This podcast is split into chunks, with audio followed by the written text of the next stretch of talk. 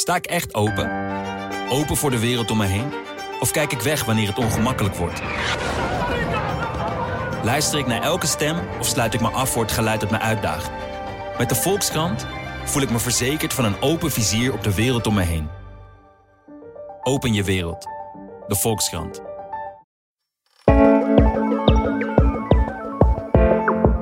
Dit is Ondertussen in de Kosmos, de podcast van de Volkskrant, waarin we alles en iedereen door een wetenschappelijke bril bekijken. Mijn naam is Tony Mudde, chef van de wetenschapsredactie hier.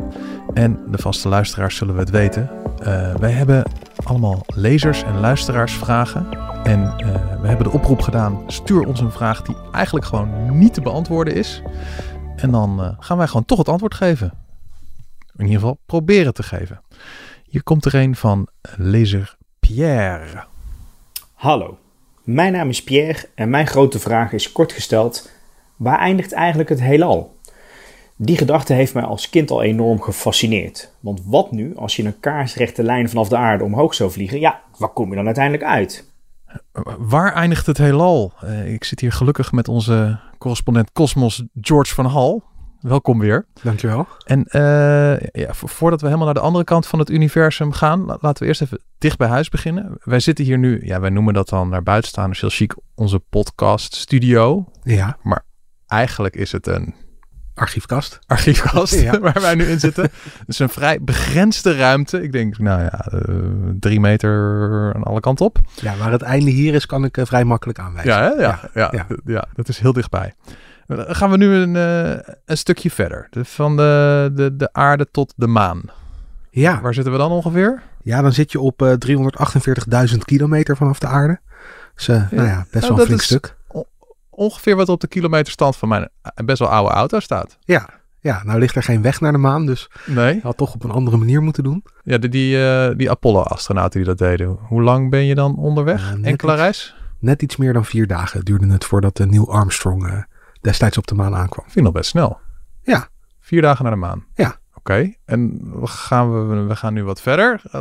wat dichter bij het, het einde van het universum als dat al bestaat. Namelijk de zon. De vind zon. Ik, vind ik al best wel ver. Ja, maar... al een flink stukje verder. Waar zijn we dan? 150 miljoen kilometer tot de zon. Oké, okay, ja. Dan begin je ook al, zeg maar, dat begint een afstand te worden waarin het ook zinvol begint te worden om iets anders te gebruiken dan de kilometer. Ja. Uh, dus je kunt dan ook zeggen dat is uh, 8,3 lichtminuten. Dus ja, afstand waar het licht 8,3 minuten over doet. Oké, okay, en dan, hoe lang doet het licht er dan over om van de maan naar mij te komen? 1,3 seconden. Dus 1,3 okay. lichtseconden is dat. De maan is een paar seconden voor het licht. Ja. Nou, één seconde. Net en iets meer dan een seconde. Dan gaan we naar de zon, er zitten wat minuten. Ja. We gaan weer even wat verder. De, de verste ruimtesonde die we ooit hebben afgeschoten. Ja, ruimtesonde Voyager 1.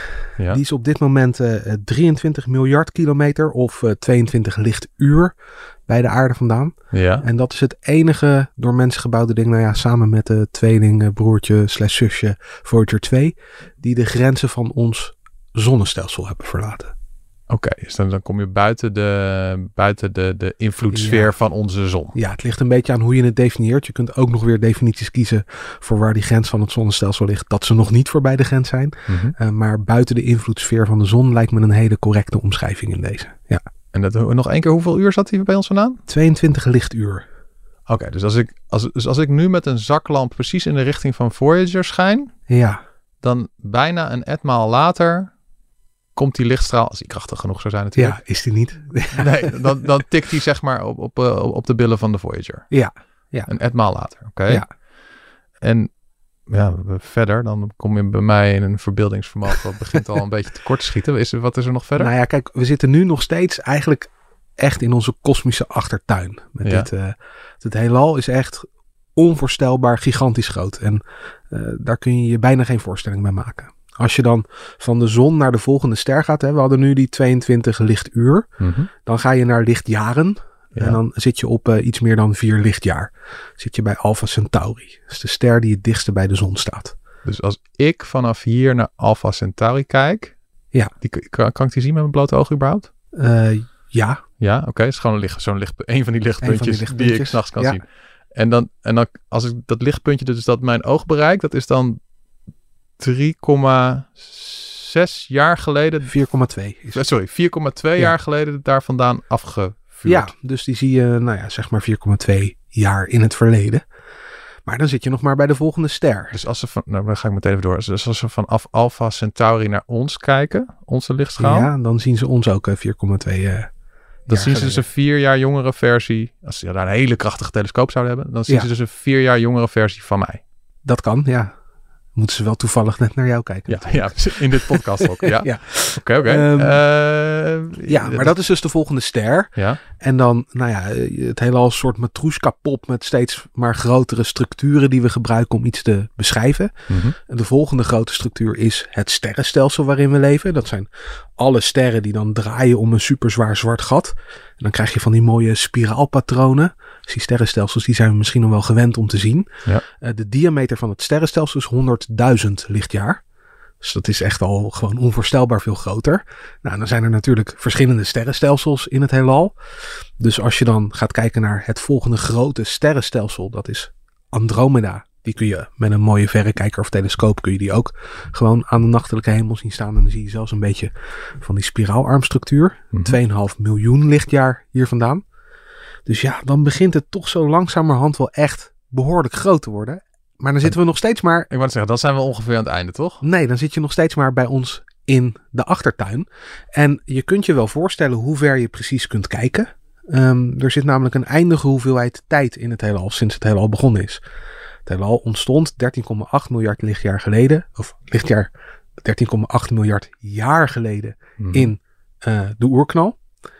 En eh, nou ja, licht wat daar vlak na is vertrokken, kan dus maximaal 13,8 miljard lichtjaar hebben afgelegd. Ja. Dus dat is zo diep als we het heelal in kunnen kijken. Verder dan dat kunnen we niet zien. ja daar, daar kan ik nog iets... Maar dan wil ik toch even weten, hoe, hoe weten ze dat het 13,8 miljard jaar geleden begon? Ja, dat kun je op verschillende manieren kun je dat uitrekenen. En een van de manieren waarop je het bewijs kan vinden voor die oerknal is door iets dat de kosmische achtergrondstraling heet. Mhm. Dat is een soort van de nagloed van de oerknal. Op het moment dat het heelal voor het eerst doorzichtig werd, kwam er allemaal straling uit. En dat kunnen we nu nog overal aan de hemel kunnen we dat meten. En iemand heeft het om, proberen om te zetten in geluid, hè? Ja, La- Laten we even horen hoe dat klinkt.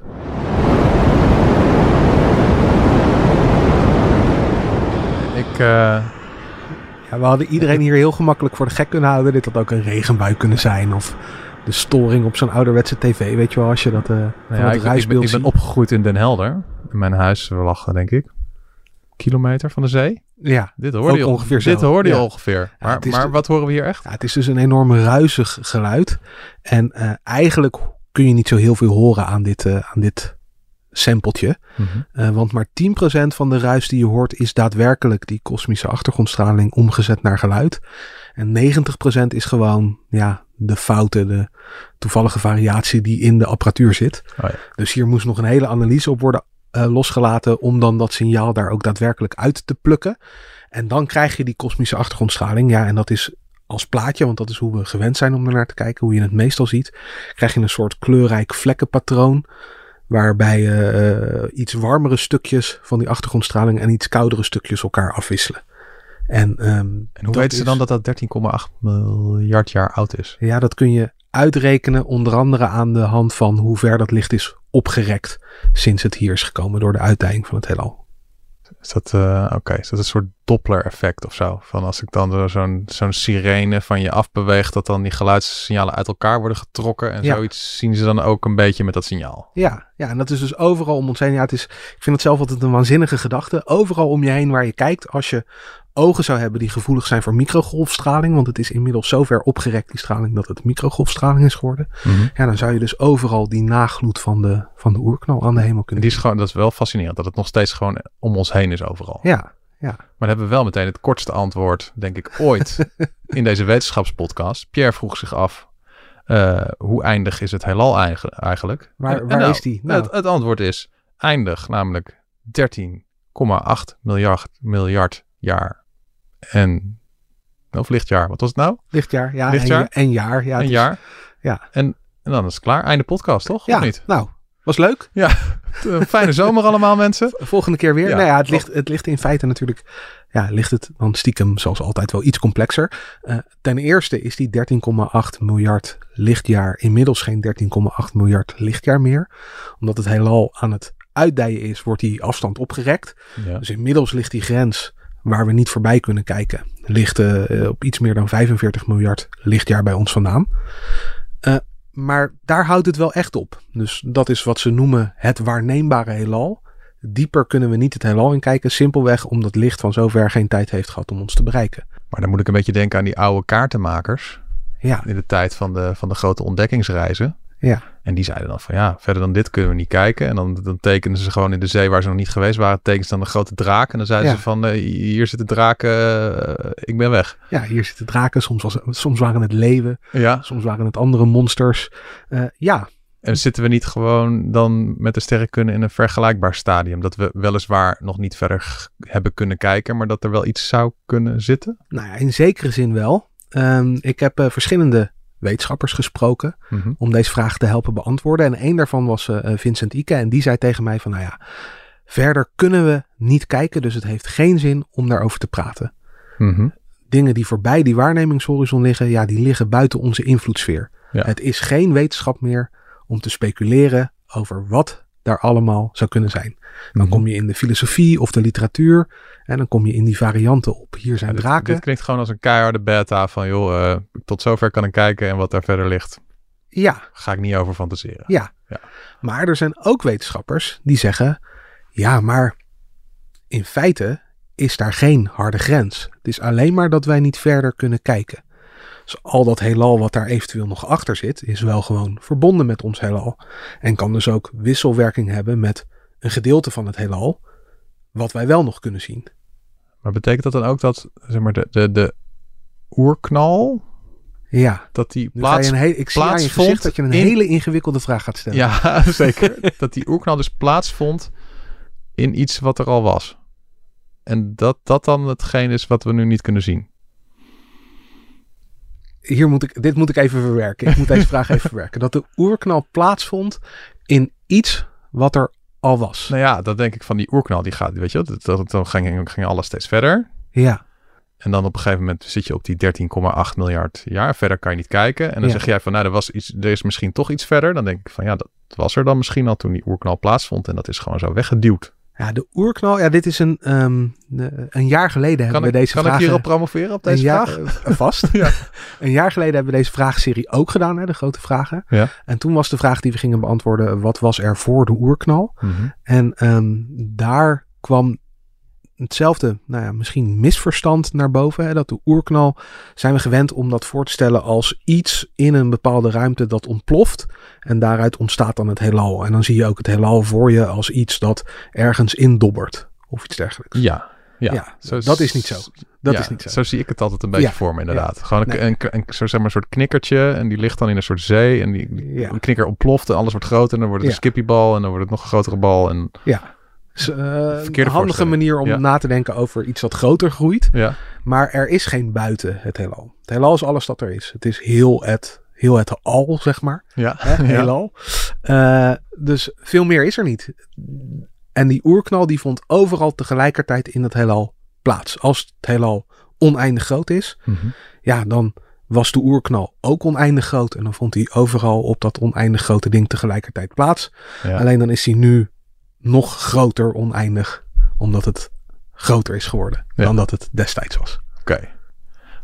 Maar dan denk ik nog steeds van, als dan sommige wetenschappers Misschien zeggen... moeten mensen inmiddels, eh, als ze dit s'avonds luisteren, een extra wijntje of een extra biertje. ja, ja, dat- ja, om het nog meer te laten tollen. ja. Maar hoe, hoe, waarom denken dan sommige wetenschappers van... Nou ja, dus Vincent Ike die zegt van... joh, eh, ik kan tot zover kijken. Dus eh, daar eindigt het zo'n beetje. Ja. En dan zeggen andere wetenschappers die zeggen van... nee, de- we, we hebben toch wel een idee dat er nog iets meer is dan we kunnen zien. ja, Hoe weten ze dat dan? nou je kunt ehm, je gaan afvragen van wat zou er gebeuren als het heelal eindig zou zijn. Mhm. We hebben maar heel beperkte waarneming om mee te werken, maar we hebben bijvoorbeeld die kosmische achtergrondstraling. Als het heelal eindig zou zijn, dan zou het zo kunnen zijn dat lichtstralen op een gegeven moment weer op dezelfde plek terechtkomen. Net zoals wanneer je langs het aardoppervlak wandelt. Het aardoppervlak is ook begrensd. Ja. Dan kom je op een gegeven moment weer op dezelfde locatie terecht. Ja, net zo zou het heelal kunnen zijn als het heelal gesloten is, zoals dat dan heet in, uh, in vakjargon. Mhm. Dus eindig, maar op een, een bepaalde manier gekromd waarop het weer bij zichzelf terugkomt. Als dat zo is, dan zouden sommige van die vlekken in die achtergrondstraling iets groter zijn door een soort lenswerking dan je zou verwachten. Oké, ja. Het heelal zou ook open kunnen zijn, meer als een soort zadel. Eh, dan zouden de lichtstralen juist uit elkaar gaan lopen en dan zouden die vlekken juist weer iets kleiner zijn dan je verwacht. Of het heelal zou plat kunnen zijn en dat is waarschijnlijk zo als het heelal oneindig groot is. Dan is het plat, dat wil zeggen niet gebogen. Mhm. En ehm, dan zijn die vlekken precies zo groot als je verwacht. En die vlekken zijn een maat voor hoe ehm, alle materie op dit moment in het heelal verdeeld is. Als je heel ver zou uitzoomen in het heelal, ziet het eruit als een soort gigantische spons. Nou, je weet, je kunt meten hoe die sponsen, hoe die filamenten in die sponsen er precies uitzien. Als je dat terugrekent rekent, volgens onze huidige kosmologische modellen, dan krijg je een verdeling voor die vlekken in die kosmische achtergrondstraling. Nou, leg je die op elkaar, dan is de conclusie op dit moment het heelal is plat. Dus niet open, niet gesloten, maar plat. Als een pannenkoek. Als een pannenkoek. Als je het ja. tweedimensionaal benadert. Ja. Ehm, als dat klopt, dan is het heelal misschien oneindig groot. En ze hebben dan zelfs een soort schatting zo van... Ja, voorbij hoe ver je kan kijken, hoeveel er dan nog achter zou kunnen zitten. Ja, want je Door te kunt, kijken naar die vlekken van die ja, want je kunt je misschien een beetje voorstellen dat hoe, nou ja, hoe meer gekromd dat heelal is, Mhm. hoe groter dat lenseffect wordt voor die vlekken. Ehm, dat je ze niet ziet, wil niet zeggen dat die vervorming er niet is. Misschien is die vervorming te klein om te meten. En dat lenseffect dat jij noemt, dat, dat, lijkt dat op zeg maar wat, eh, wat je ook wel eens leest, dat dus echt, nou als dus een, eh, toen ging toen ooit dat foto maken van zo'n zwart gat, toch? Ja, we hebben, we hebben een foto gemaakt. We hebben al twee foto's gemaakt. van Twee foto's van een Ja. zwart gat. En dat Ja. was toch ook het verhaal dat ze dan dat licht zelf gewoon bijboog, doordat het de- naar dat zwarte gat werd getrokken en Het is een- daardoor. Het is, een beetje, het is een beetje dat effect. Ja, daar. Ehm, Maar het is echt gewoon door, door dat zware dingen aan alles trekken, zelfs aan licht. Ja, daar is dat zo dat die zware dingen zorgen ervoor dat de ruimte krom trekt op dat, op dat punt, ruimte en tijd. Waardoor die lichtstralen ook krom trekken. En hier is het het heelal dat krom trekt. Dus een vergelijkbaar, Ja. vergelijkbaar principe.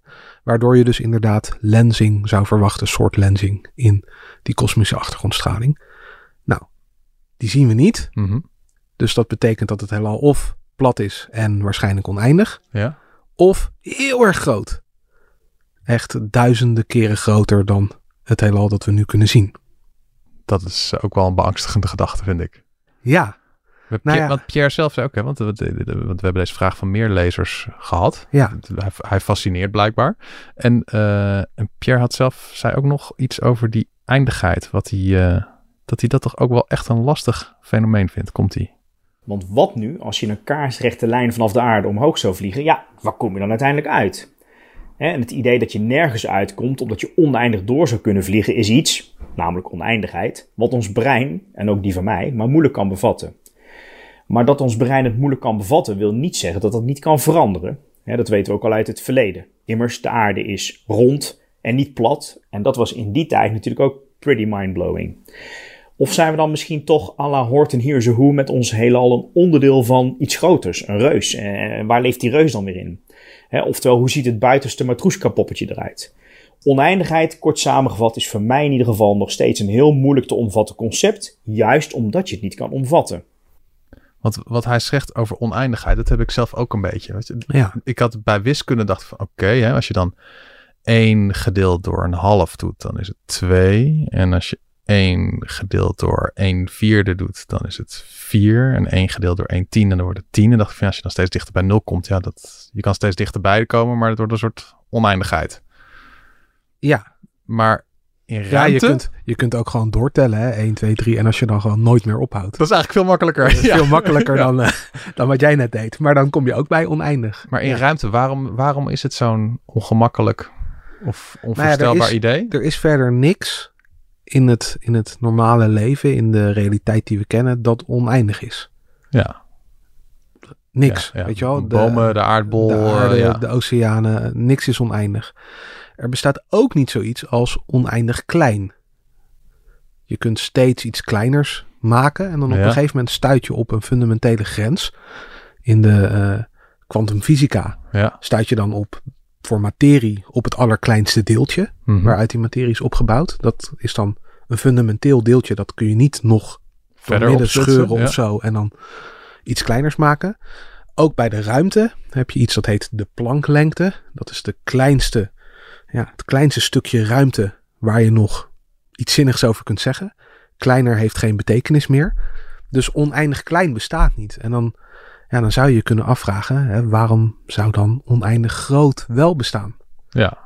Ja, Het, het is ook wel iets van als, hoe, hoe groter die ruimte voelt, hoe, eh, hoe onbetekender en nietiger je Ja. jezelf gaat voelen, toch? Dat ook. Ja, Ja. en ik denk dat dat misschien instin- instinctief toch voor een soort, ja, soort angst of zo zorgt, weet je wel. Dat je denkt van, dan zitten wij in iets dat oneindig groot is. Ja, wat stellen we dan zelf nog voor? Ehm, dat is precies dat gevoel van nietigheid. En daarvan eh, zei een van de wetenschappers die ik interviewde, Rien van der Wijgaard, een hoogleraar aan de Universiteit Groningen. Die zei, eh, eh, ik maak me daar nooit zo'n zorgen om, omdat als ik kijk naar alle dingen die ik in het heelal bestudeer, hoe groot en megalomaan gigantisch die ook zijn, die zijn eigenlijk niet zo heel erg complex. Die zijn alleen maar heel erg groot. En als ik kijk naar wat wel complex is, ja, dan kom ik uit bij het leven. Het leven is wel heel complex. En wat is dan het meest complexe leven dat we kennen? Ja, dat zijn wij. En uiteindelijk is de manier waarop wij denken, onze hersenen, ons bewustzijn, is misschien wel het meest complexe ding in het universum.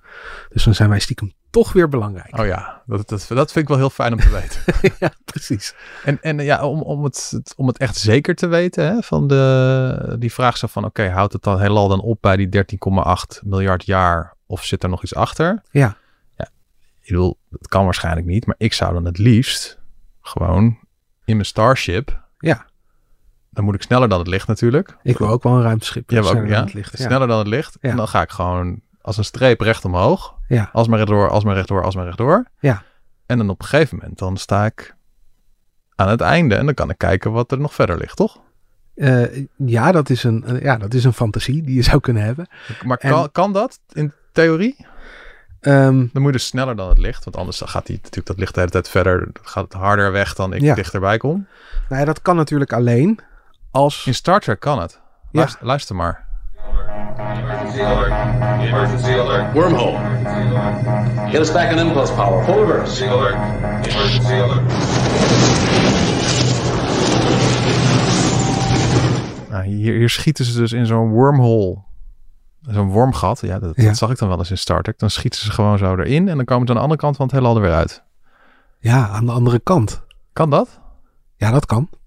Dat kan echt. Die dingen bestaan. Eh, nou ja, dat weten we niet. Nee. Het, kan op, het kan op papier. Oké. Wormgaten bestaan in de wetenschappelijke literatuur. En daarmee kun je een, een flink afstand sneller afleggen. Omdat het een soort geitenpaadje is door, de, door ruimte en tijd. Eh, maar dan ben je nog niet aan het eind. Maar je kan daarmee wel sneller dan het licht reizen. Ja, dat wel. Dus als, het, Dus, nou ja, het ene eerste, wormgat jouw op een, eerste op een gunstige ijzerpakket hebben we afgevinkt. Oké, Ja. ja. Dus als het ene wormgat dan zeg maar nou, vlakbij is, gewoon zo achter de maan of zo. Ja. Dan ga ik daar erin. En als het andere wormgat dan aan het einde is, dan kan ik daar eruit en dan kan ik kijken van of daar het universum echt ophoudt. Ja. In theorie. Want waarschijnlijk bestaat er niet zoiets als een grens of een einde van het heelal. Ehm, als het er wel zou zijn, zijn er, en we ontdekken dat morgen, dan zitten er heel veel kosmologen eh, stiekem heel hard te schelden. Ja. Want dan klopt er helemaal niks meer van de manier waarop ze naar het heelal kijken. De hele kosmologie drijft op het idee dat er geen bijzonder punt in ruimte en tijd is. Ehm, er is niet zoiets als het, het midden van het heelal, dat kun je niet aanwijzen. Mhm. Het heelal, als je vanaf de aarde naar buiten kijkt, is in elke richting is die min of meer hetzelfde. Ehm, ja, op details kan het afwijken, maar als je uitzoomt en je ziet die sponsachtige structuur, er zitten geen, geen duidelijke patronen of richtingen of dat soort dingen zitten daarin. Dus het heelal is op elke mogelijke manier hetzelfde. Dat Ja. betekent dat er geen, per definitie, geen rand kan zijn van het universum. Ja, geen grens. Ook al zit je heel veel verder met een ander stukje waarneembaar heelal, er is geen enkele bel ergens te bedenken waarin je dan ineens op die rand zou kunnen stuiten. Het heelal moet dan dus, als het niet oneindig is, op die een of andere manier gekromd zijn. Zoals die open of gesloten vorm. Zo'n bal of zo'n zadelachtige structuur. Zoiets kan, als Ja. je dat bedenkt. Dat, heet, dat onderzoeksveld heet de topologie van het heelal. Mhm. En daarvan zei een van die eh, onderzoekers die ik sprak, die zei van ja, dat is wiskundig zo ongelooflijk ingewikkeld dat en in Nederland er geen enkele kosmoloog is die zich daar vast mee bezighoudt. En ten tweede zei hij, en dat was een beetje een grapje, maar hij zei, ik denk dat daarom de meeste sterrenkundigen graag zeggen dat het heelal oneindig is, want dan hoeven ze zich verder niet met die verschrikkelijk ingewikkelde topologie bezig te houden. Dus als, als Pierre deze eh, podcast heeft geluisterd en hij is nu ergens op de camping en denkt van ja, nu wil ik gewoon aan de buurman, in, aan de buurvrouw in twee zinnen zeggen hoe het zit, dan is het antwoord gewoon, het is oneindig, toch? Ja, het is waarschijnlijk oneindig groot. Waarschijnlijk oneindig groot. Ja. Daar doen we het mee.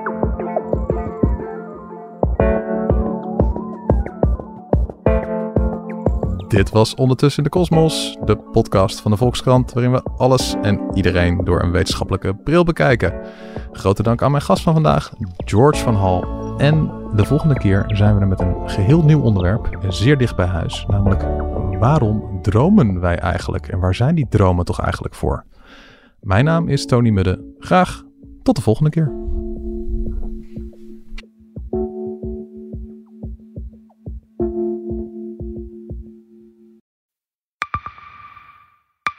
Zijn leven is overhoop gegooid. Plus dat heel veel mensen hem niet geloven. Vrienden niet, die, die denken, ja, hij is gewoon gek geworden. Hoe naar moet dat zijn? Als je vertelt over de meest indringende ervaringen uit jouw leven en niemand gelooft dat je het echt hebt meegemaakt. Ja, ik vind zelf niet dat ik het verzonnen heb, maar sommige mensen denken dat wel. Maar hoe kom je erachter of jij het doelwit bent van een geheime dienst? Ik heb ook wel eens meegemaakt dat je het idee hebt dat inlichtingendiensten in je geïnteresseerd zijn. En dan kun je wel heel veel zien, wat er misschien helemaal niet is. Als ik s'avonds nog iets ging eten, dan volgden die mensen mij naar het restaurant. En dan terug van het restaurant naar het hotel. Als zij op een gegeven moment zei, kijk maar uit, want anders word je dadelijk nog ontvoerd ook. Shit, ik moet hier weg. Dat is, dat is niet goed. Nu word ik gevolgd. Een soort Truman Show is het gewoon. Hè? Alsof dat hele straatbeeld voor jou is ingericht. Maar dan wel met bedoeling ja, jou niet door te laten. Dit kan geen toeval zijn. Een nieuwe podcast van de Volkskrant. Mijn naam is Simone Eleveld en samen met Huid Modderkolk ontrafel ik een bizarre operatie van de geheime dienst. Wat het doel ook is, jij verliest het. Ik werd opgepakt, heel lang ondervraagd. Maar hoe krijg je grip in een wereld die zo onderzichtig is? Als je zou liegen, dan zou je niet de meest relevante informatie twee jaar later tussen neus en lippen doorvertellen. Er zal nooit iemand zeggen, oké Bart, ik geloof je. Nooit, nooit. Dit kan geen toeval zijn. Vanaf 3 oktober bij de Volkskrant. Ik weet niet of ik ook alles kan vertellen. Het is echt te bizar. Wat? Ehm, ja. Sta ik echt open? Open voor de wereld om me heen? Of kijk ik weg wanneer het ongemakkelijk wordt? Luister ik naar elke stem of sluit ik me af voor het geluid dat me uitdaagt? Met de Volkskrant voel ik me verzekerd van een open vizier op de wereld om me heen. Open je wereld. De Volkskrant.